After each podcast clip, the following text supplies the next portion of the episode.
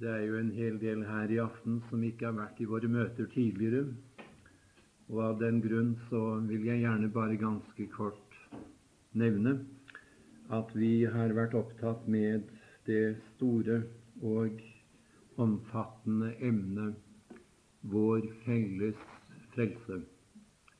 Det er det som har samlet oss i disse møtene og nå er det jo det med det at dere som ikke har vært her før, dere, er jo helt ukjent med hva vi har hatt for oss.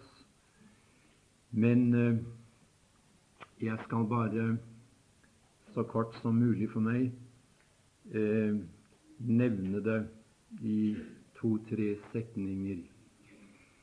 Uttrykket finner vi, eller emnet finner vi, i Judas brev og det tredje vers.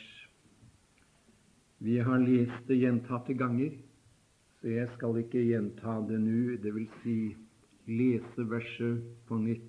Det kan du gjøre. Men uh, du vil finne der vår felles frelse omtalt. Vår felles frelse. Jeg har prøvd å aksentuere at denne frelse er for alle, og den gjelder da spesielt oss som er frelst, vi som hører Herren til. Jeg har understreket at vi har den samme del, alle sammen den samme del i denne frelse. Tidligere har vi sett at vi er frelst, og vi har understreket spesielt det lille ordet 'er'. Vi har prøvd å plukke frem noen sådanne uttrykk i Bibelen som betyr så usigelig meget. Og vi har som sagt stanset for det lille ordet er. Vi er frelst, vi som tror på Herren. Vi behøver ikke være famlende, usikre, uvisse i den saken. Vi er frelst. Vi har sett på i hvilken utstrekning vi er frelst. Vi forstår ikke svært meget av det. Men eh, vi har allikevel peket på, eh, sett litt på, betraktet at først og fremst så er våre synder fjernet, skaffet bort, ikke fra oss som individer, men fjernet fra Guds åsyn. Vi har sett at vår dommedag ligger bak oss. Vi ser ikke frem til at det en gang skal avgjøres hvor vi skal tilbringe evigheten. Vi ser tilbake på det. Det er avgjort. Det er skjedd. Det skjedde på Golgata kors. Og jeg understreket at det var i de tre siste timer Kristus var syndoffer. Videre har vi også vært opptatt av at den gamle adamittiske naturen som stadig er i oss, den er fordømt, tilsidesatt, satt ut av betraktning, kondemnert. Gud har gjort seg ferdig med den for alltid. Den er her, men den er ikke for Guds åsyn, og det er godt. Skulle ønsket at spesielt dere som er nye på veien, kunne få gripe dette. Det har vært min bønn, og det er mitt store ønske at disse samvær må resultere i at nå får dere begynne å akte dere som død for synden, men levende for Gud i Kristus Jesus. I går aftes eh, så vi på at vi er oppreist og oppvakt med Kristus. Og grunnen til at det kunne skje, det var at og er at Kristus ikke sto opp som et privat menneske, men han sto opp som en Adam, den siste Adam. Som hode, som stamfar for en ny familie. En ny slekt sto opp i ham, sier Bibelen. Og i denne familie er du og jeg. Vi hører til deg fordi vi er født på ny. Er fint. Nå skal vi i aften si litt om at vi blir frelst. Der har du også et lite ord. Og må jeg få lov til da først å lese fra første Korinterbrev, det første kapittel, og det 18. vers. Første Korinterbrev, kapittel 1 og vers 18. Dere som har Bibel for hånden, vil gjerne slå opp og følge med. For ordet om korset er vel en dårskap for dem som går fortapt, men for oss som er Hva står det der? Står det er? Nei, det står ikke er. Jeg har sagt det før, og jeg gjentar det så gjerne. Vi har lett for å lese noe for hurtig når vi, når vi eh, leser Guds ord. Legg merke til nå dette ordet blir. For oss som blir frelst, er det en Guds kraft. Blir frelst. Eh, i eh, Hebrebrevet, og der det åttende kapittel Det ble lest en aften tidligere her av Håkon Olsen, men jeg vil gjerne ta det med i denne forbindelse. Eh, der heter det men en hovedsak og jeg har streket under de to ordene i det verset en hovedsak. Vi har så lett for å være opptatt med bitsaker, noe som kanskje ikke betyr så særlig meget. Men nå skal vi være opptatt i aften med hovedsaken. En hovedsak ved det som her sies, er dette. Vi har en sådan ypperste prest som satte seg ved høyre side av majestetens trone i himlene. En som satte seg da han kom hjem. Eh, det ble sagt her forleden aften at han satte seg fordi han var ferdig med forsoningsverket. Det var avsluttet. Han skal aldri ta den gjerning opp igjen. Han er ferdig med forsoningsverket.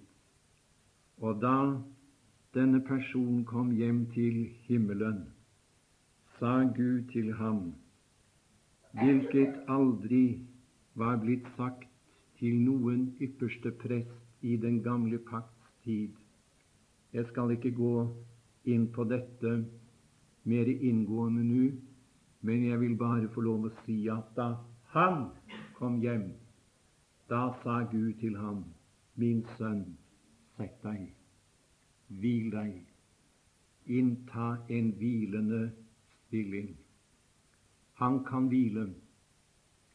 Og jeg husker så godt det som Adolf Bjerkreim sa for mange år siden. Ja, jeg hørte ham forresten flere ganger si det når han forkynte Guds ord. Og det festet seg i mitt sinn, og det har kommet til å bety meget i mitt liv. Han sa når Kristus ser syn på å sitte, da kan vel også vi sitte. Når Han kan hvile på det fullbrakte verket som Han utførte på Golgata kors, så kan vel også vi sitte. Så kan vel også vi hvile. Så kan vel også vi ta sitteplass. Hva? Er ikke det nokså naturlig å tenke slik? Skulle ønsket at det var noen som kunne få sitte ned. Jeg vet at det kan være kampfullt. Jeg vet at det er problemer du møter, ikke minst i den første tid du lever med Herren. Måtte det som du her har hørt, føre til at du fra denne møterekke av får erfare hvile i Ham, i Hans fullbrakte verk. Da var meget vunnet gjennom disse møter. Vi leser det annet vers i, i samme kapittel, altså Hebrebrevets åttende kapittel. Men jeg tror vi tar med det første også. Men en hovedsak ved det som her sies, er dette. Vi har en sådan ypperste prest som satte seg ved høyre side av majestetens trone i himlene. Så kommer det med prestelig tjeneste. Kristus sitter ikke ved tronen og er uvirksom. Nei da, han er ferdig med forsoningsverket, som jeg allerede har pekt på. Men han gikk hjem og der var det en ny tjeneste som ventet ham. Han sitter der, ikke med hendene i skjødet, uvirksom. Han er i aktivitet ved tronen. Stadig, fortløpende,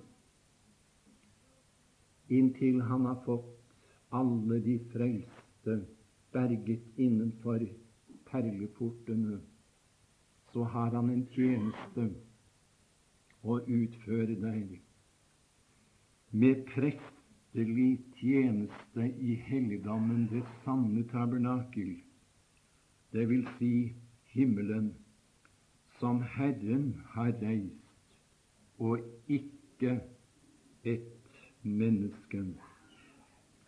Hva er det hans tjeneste går ut på der hjemme i dag.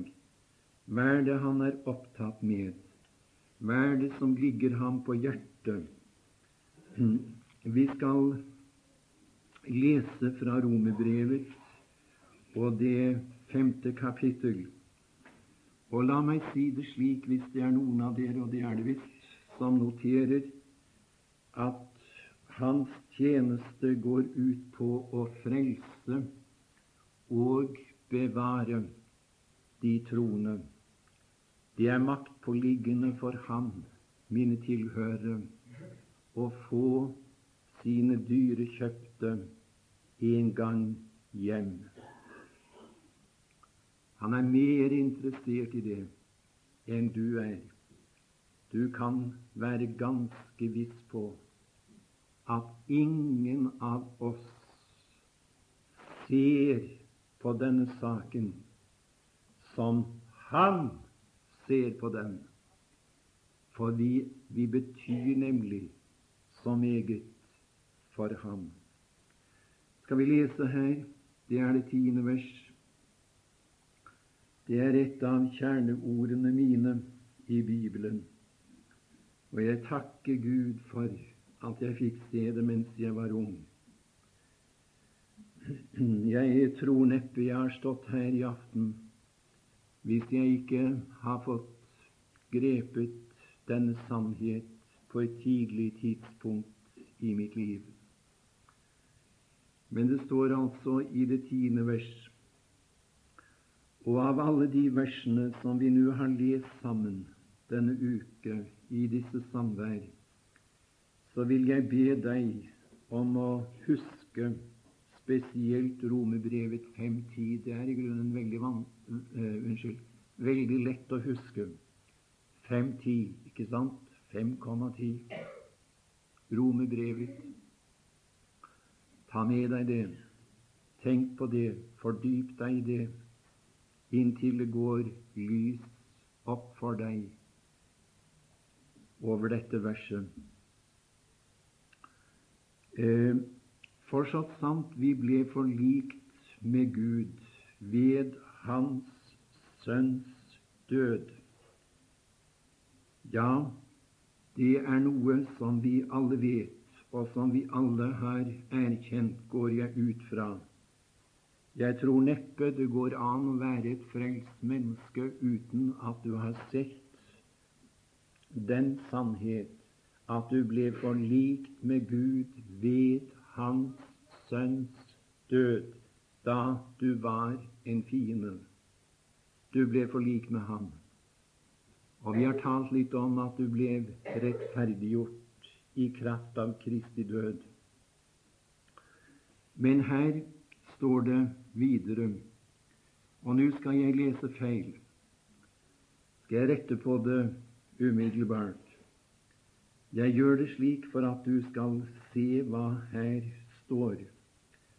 For så sant vi ble forlikt med Gud ved Hans Sønns død da vi var fiender, så skal vi like sikkert, like sikkert Jeg ville ikke det være storslagent om det sto det. Ja, jeg, jeg må si jeg, syn, jeg, synes at det måtte være eh, mer enn tilstrekkelig, holdt jeg på å skulle si, at det sto like sikkert. For jeg vet nemlig det. Jeg vet at jeg ble forlikt med Gud ved Hans Sønns død da jeg var en fiende. Da jeg kom til ham den gangen som, som ung gutt. Da ble jeg forlikt med ham. Jeg var en fiende, men så fant det et forlik på grunnlag av Kristi død. Jeg fikk fred med Gud. Det ble et ordnet forhold. Og det har stadig vært fred mellom oss to, mellom han og meg, siden den gangen. Det ble forlik. Det ble fred. Han tok imot meg nøyaktig slik som jeg var. Og la meg få lov i parentes å si det at hvis du er her som ikke er frelst i aften, så brenner det mer i mitt hjerte enn det har gjort før, efter å få være med og lede noen til Herren. Ja, om jeg skal være personlig, så har jeg bedt om det. Jeg vet, så langt jeg kjenner meg selv, at uh, min oppgave er kanskje spesielt å tale til i tronen, men ikke desto mindre jeg kjenner trangen her mer enn før. Jeg gjentar det.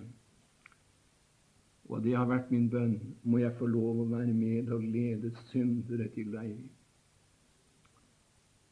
før min tid er endt i denne verden, før jeg legger vandringsstaven ned, før jeg møter deg jeg ville så gjerne ha mange med. Jeg ønsker ikke å stå der alene. Er du her? Lytt til denne hilsen. Han døde for deg. Det kan, det kan komme et forlik i stand her i aften bare ved at du mottar ham. Vil gjøre det. Vil gjøre det nå, mens du sitter og lytter.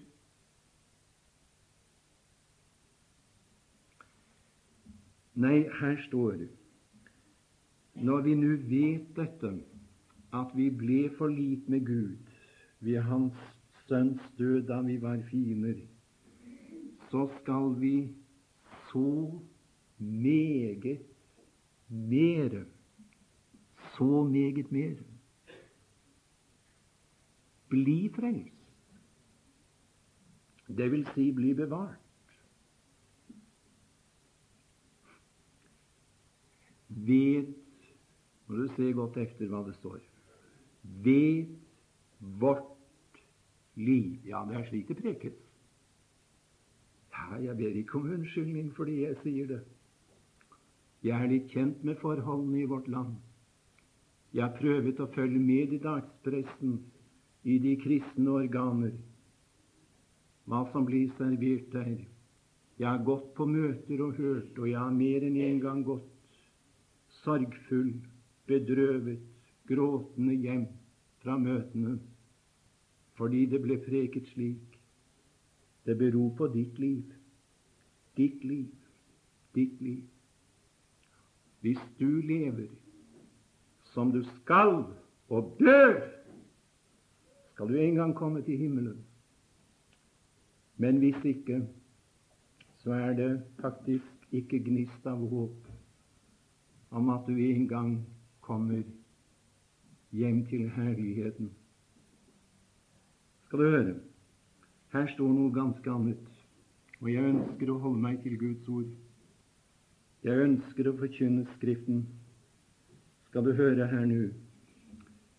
For så sant vi ble forlik med Gud ved Hans Sønns død da vi var fiender, så skal vi så meget mere bli frelst ved Hans liv. Ja, det er noe ganske annet. Ved Hans liv etter at vi er blitt forlikt.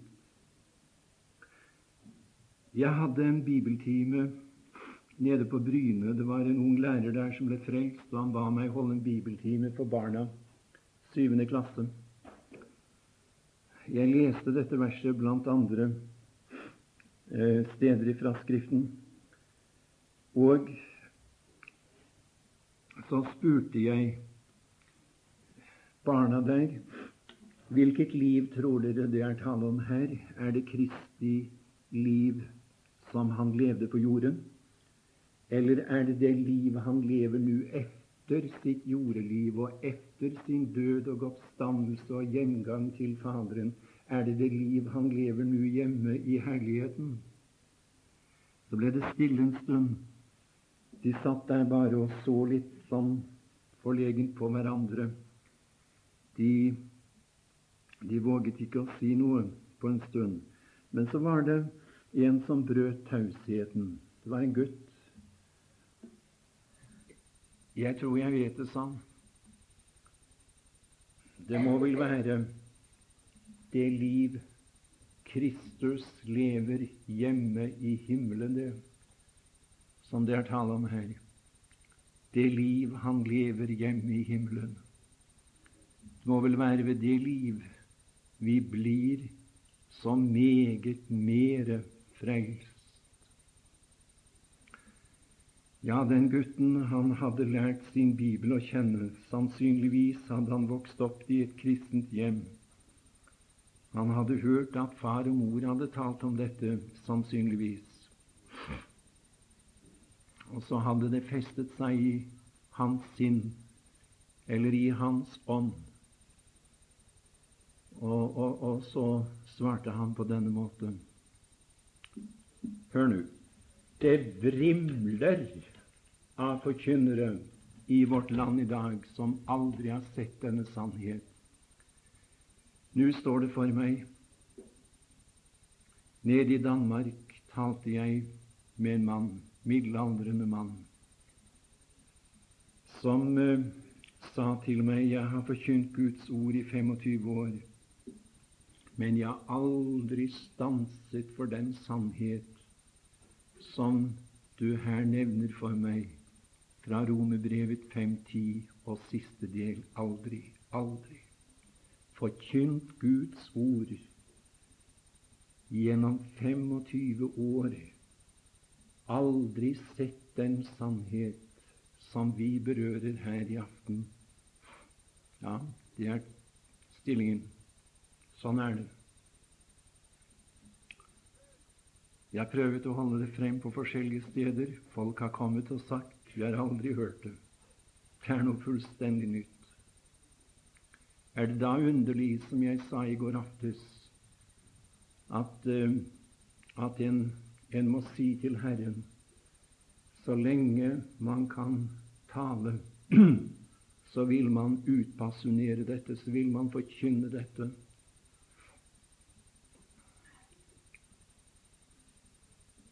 Så meget mere bli frelst ved hans liv. Jeg ligger på et sykehus lengre nord i landet. Det er mange år siden. Jeg var blitt operert. Det støtte noen komplikasjoner til. Jeg ble liggende der ganske lenge. Uke efter uke lå jeg der. Og så var det en dag jeg fikk besøk Jeg var 17 år gammel. Jeg hadde vært en troende i tre år da. Fikk jeg besøk av en ung forkynner. Han tok Nytestamentet som lå der på bordet ved siden av sengen, åpnet det, slo opp på Romerne 5.10, leste det, og sa han, var ikke det et godt ord? Jo, det var et godt ord, sa jeg. Et meget godt ord. Men jeg innrømmer at den dagen forsto jeg ikke mere av Romerbrevet 5.10 enn veggene som omga meg der på sykesalen. Jeg forsto det at jeg var blitt forlikt med Gud ved Hans Sønns død. Jo visst forsto jeg det. Men problemet for meg, og det som gjorde det så vanskelig for meg, det var dette Kan det være mulig at jeg en dag når hjem til herligheten, så svak jeg er, så syndig jeg er i meg selv, slik som det har mislykkedes i disse tre årene å leve Kristus verdig i denne verden. Er det mulig? Jeg lå der om natten og tenkte på dette eh, den påfølgende natt, altså. Og jeg glemmer ikke da lyset rant over Romerbrevet 5.10. Det var en vidunderlig stund.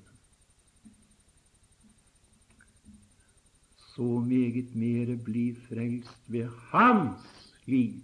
Hørte du det nå? Ikke ved ditt liv, men ved hans liv. Det liv han nå lever ved Guds høyre hånd. Det er med det livet jeg er blitt frelst og berget igjennom. Ja, men dette er jo farlig lære. Dette må man være forsiktig med å forkynne. Ja, det er mulig at du ser sånn på det. Det er mulig jeg taler for noen som sitter med de tanker i aften. Men det skal jeg si deg, min venn, at når vi møtes hjemme på den lyse strandbredd, da skal vi ikke diskutere den saken der. Nei da. Å, jeg ser frem til at jeg skal møte Ham som døde for meg, og som nå lever for meg ved Guds høyre hånd. Jeg ser frem til å få se inn i Hans ansikt. Jeg ser frem til, om jeg kan uttrykke meg på denne måte, å få trykke Hans naglemerkede hånd. Og vet du hva jeg vil si? Herre Jesus, takk Takk! Ikke fordi du du hjalp meg nå sånn når det knep om. Nei da. Ikke fordi du, du, du kom meg til assistanse i visse tilfeller av i mitt liv. Nei, ikke det. Vet du hva jeg vil si? Og du skal si det samme. For da ser du annerledes på det enn du gjør nå i aften. Hør nå. Da skal du si, Herre Jesus, takk fordi det var du som gjorde det hele fra først til sist. Det var du som fikk meg hjem. Ja, han vil være alene om den saken der. Du skal ikke blande deg inn i den saken! Han vil være alene om den. Ganske alene.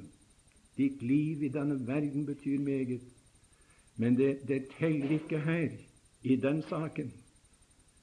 Nei, vi synger i en sang. Jeg vet ikke hvor meget vi forstår av det, og hvor meget vi legger i det, men vi synger i hvert fall slik av nåde så det går med meg fra først til sist av nåde.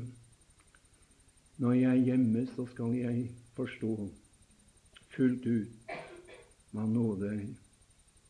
Det var av nåde han fikk meg hjem. Det skal, det skal jeg snakke om gjennom alle evigheter. Av nåden, Frelst ved hans liv. Tror du han klarer det?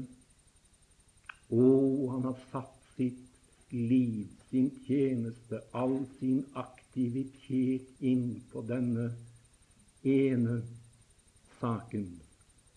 Hør nå å få alle sine vel hjem en dag. Kan du ikke hvile i det? Kan du ikke regne med det? Kan du ikke gripe den sannheten nå? Jeg vet at jeg kan ikke åpenbare det for ditt hjerte. Det kan kun Den hellige ånd. Men han er her, og han vil så gjerne feste dette i din ånd nå. Frelst ved hans liv gjennom en farefull vei.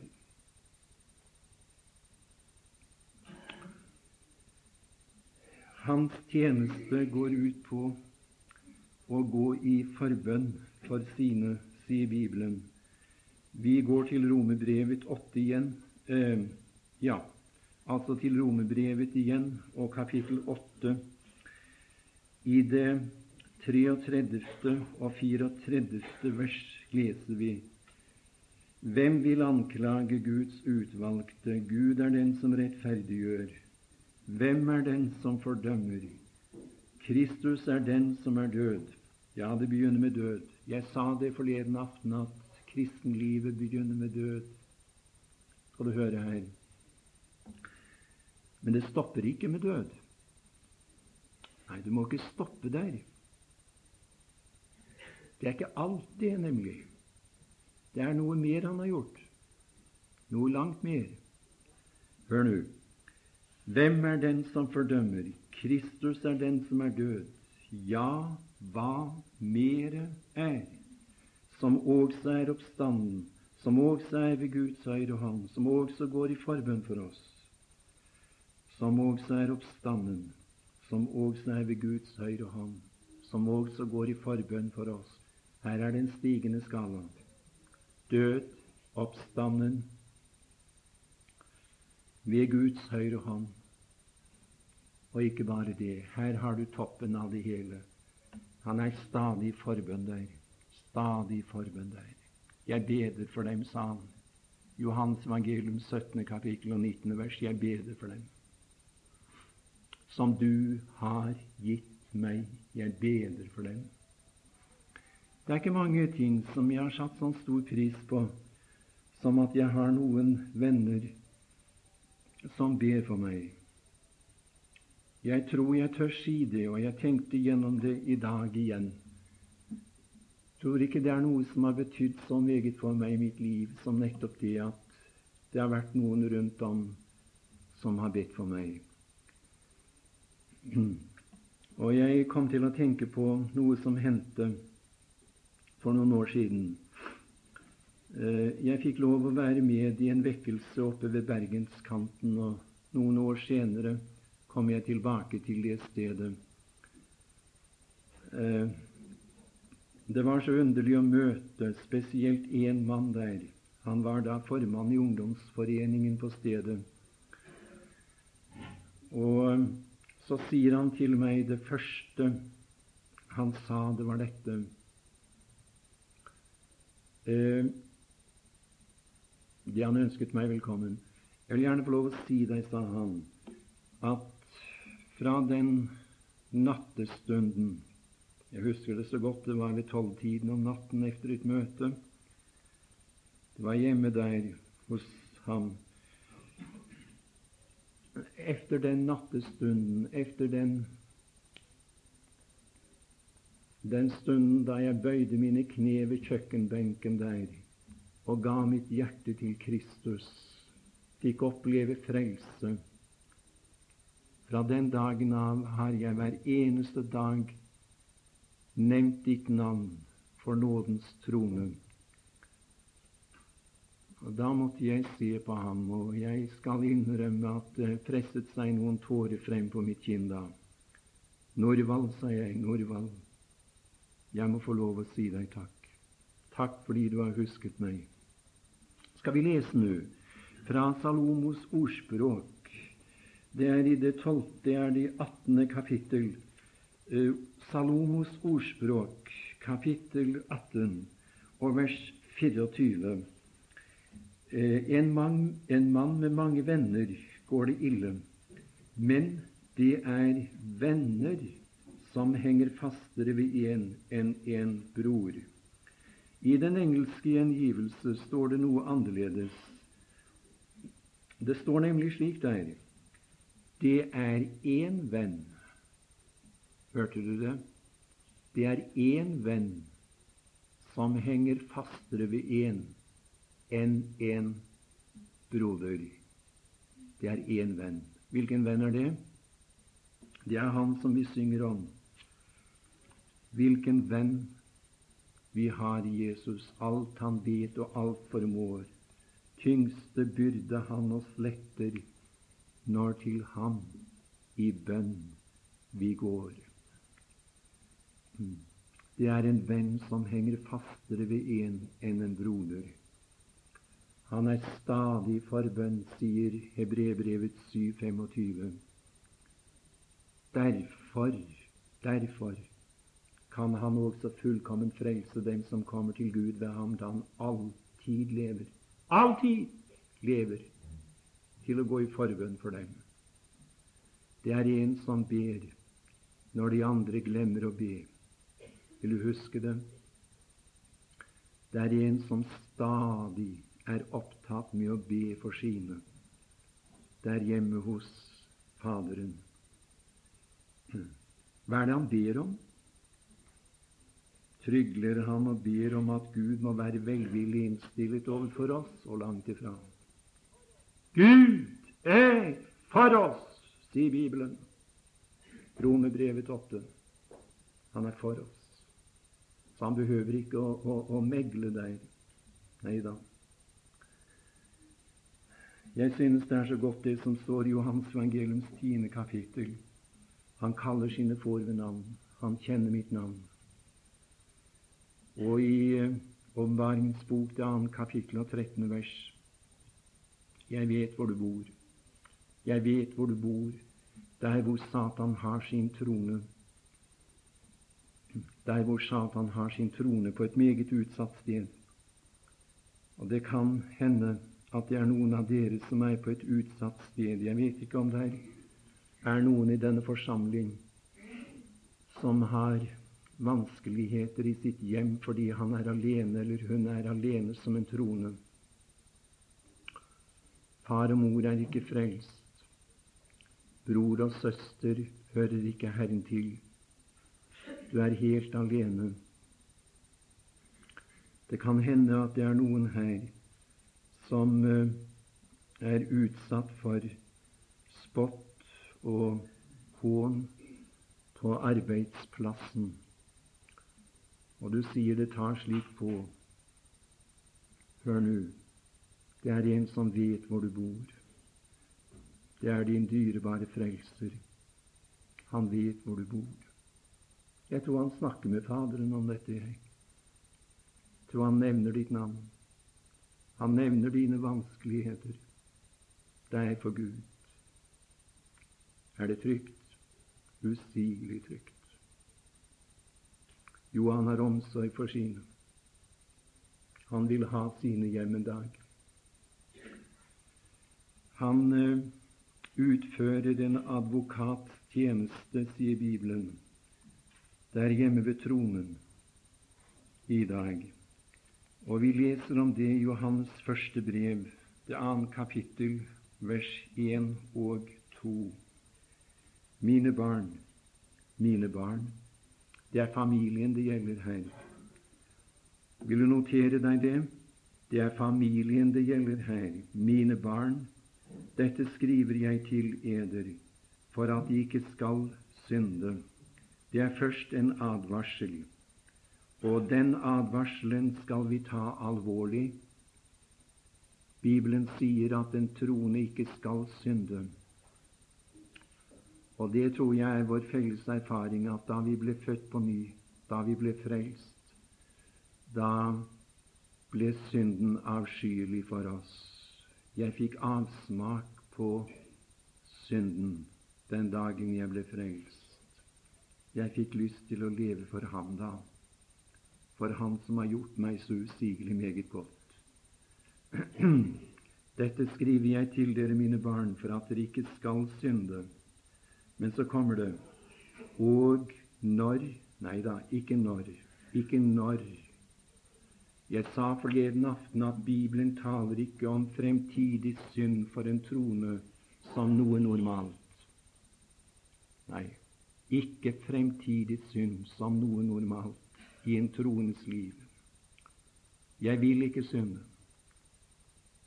Det er det siste jeg vil. Ikke desto mindre når jeg ser tilbake, som jeg nevnte forleden, da må jeg si jeg har blitt overrumplet, jeg har snublet, jeg har falt. Jeg har såret hans hjerte. Så har jeg ikke angret fordi jeg har fryktet for straff, men jeg angret fordi jeg vanæret ham. Du kjenner deg sikkert igjen. Skal vi lese? Mine barn, dette skriver jeg til dere for at de ikke skal synde. Eh, og om om hvis hvis noen synder, om noen synder, da har vi en talsmann hos Faderen, Jesus Kristus den rettferdige, og han er en soning. Nå er det ikke sånn som syvende dags adventistene forfekter, at når en troende synder, da må Kristus bringe et nytt offer. Han må stadig ofre der hjemme. Nei da, ikke slik. Han er en soning i kraft av sin død på Golgata kors. Han er det stadig. Ser du det? Han er en soning for våre synder dog ikke bare for våre, men òg for hele verden.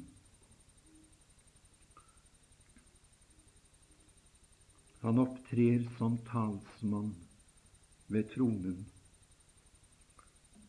om noen synder. Det er godt å ha en slik forsvarsadvokat hjemme i herligheten. Og Jeg vil gjerne også at du skal feste deg ved at det står vi har en talsmann hos Faderen. Faderen. Det er barna det gjelder. Om noen synder, så går han fortapt.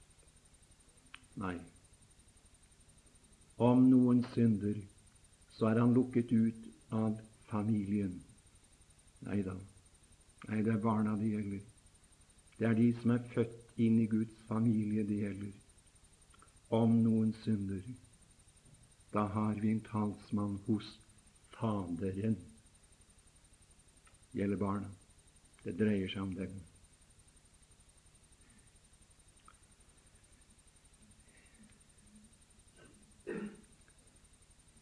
Det er eh, slik at flere vil lytte til dette budskap enn det enn dere som er her i aften. Og jeg har lyst til å si til dere som lytter rundt om i hjemmene Prøv å gripe disse sannhetene. Bøy gjerne dine kne foran en åpen bibel. Prøv å bli stille for det. La Den hellige ånd få lede deg inn i det. Amen.